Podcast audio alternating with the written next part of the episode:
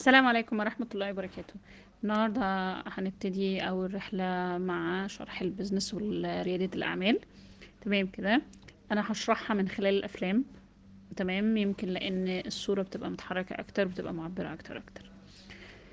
النهاردة هنشرح من خلال فيلم Pad Man آه Pad Man آه قصة الفيلم بسيطة. آه راجل صنع فوط Always للستات. تمام بتكلفة رخيصة. بس دي قصة الفيلم. okay؟ بس طبعا الفيلم فيه عمق كتير. أنا بس حابة أنبه طبعا لأن هو فيلم هندي فطبعا الديانة وال- والحاجات الدينية مختلفة تماما تمام؟ لكن هو بيعكس مدى الوضع اللي الستات عايشة فيه في العموم وإزاي هو عمل فكرة فيها ريادة أعمال وفاز بجائزة عن القصة دي. تمام؟ آه، ده أول فيلم إحنا هنشتغل عليه. وهنحكي فيه.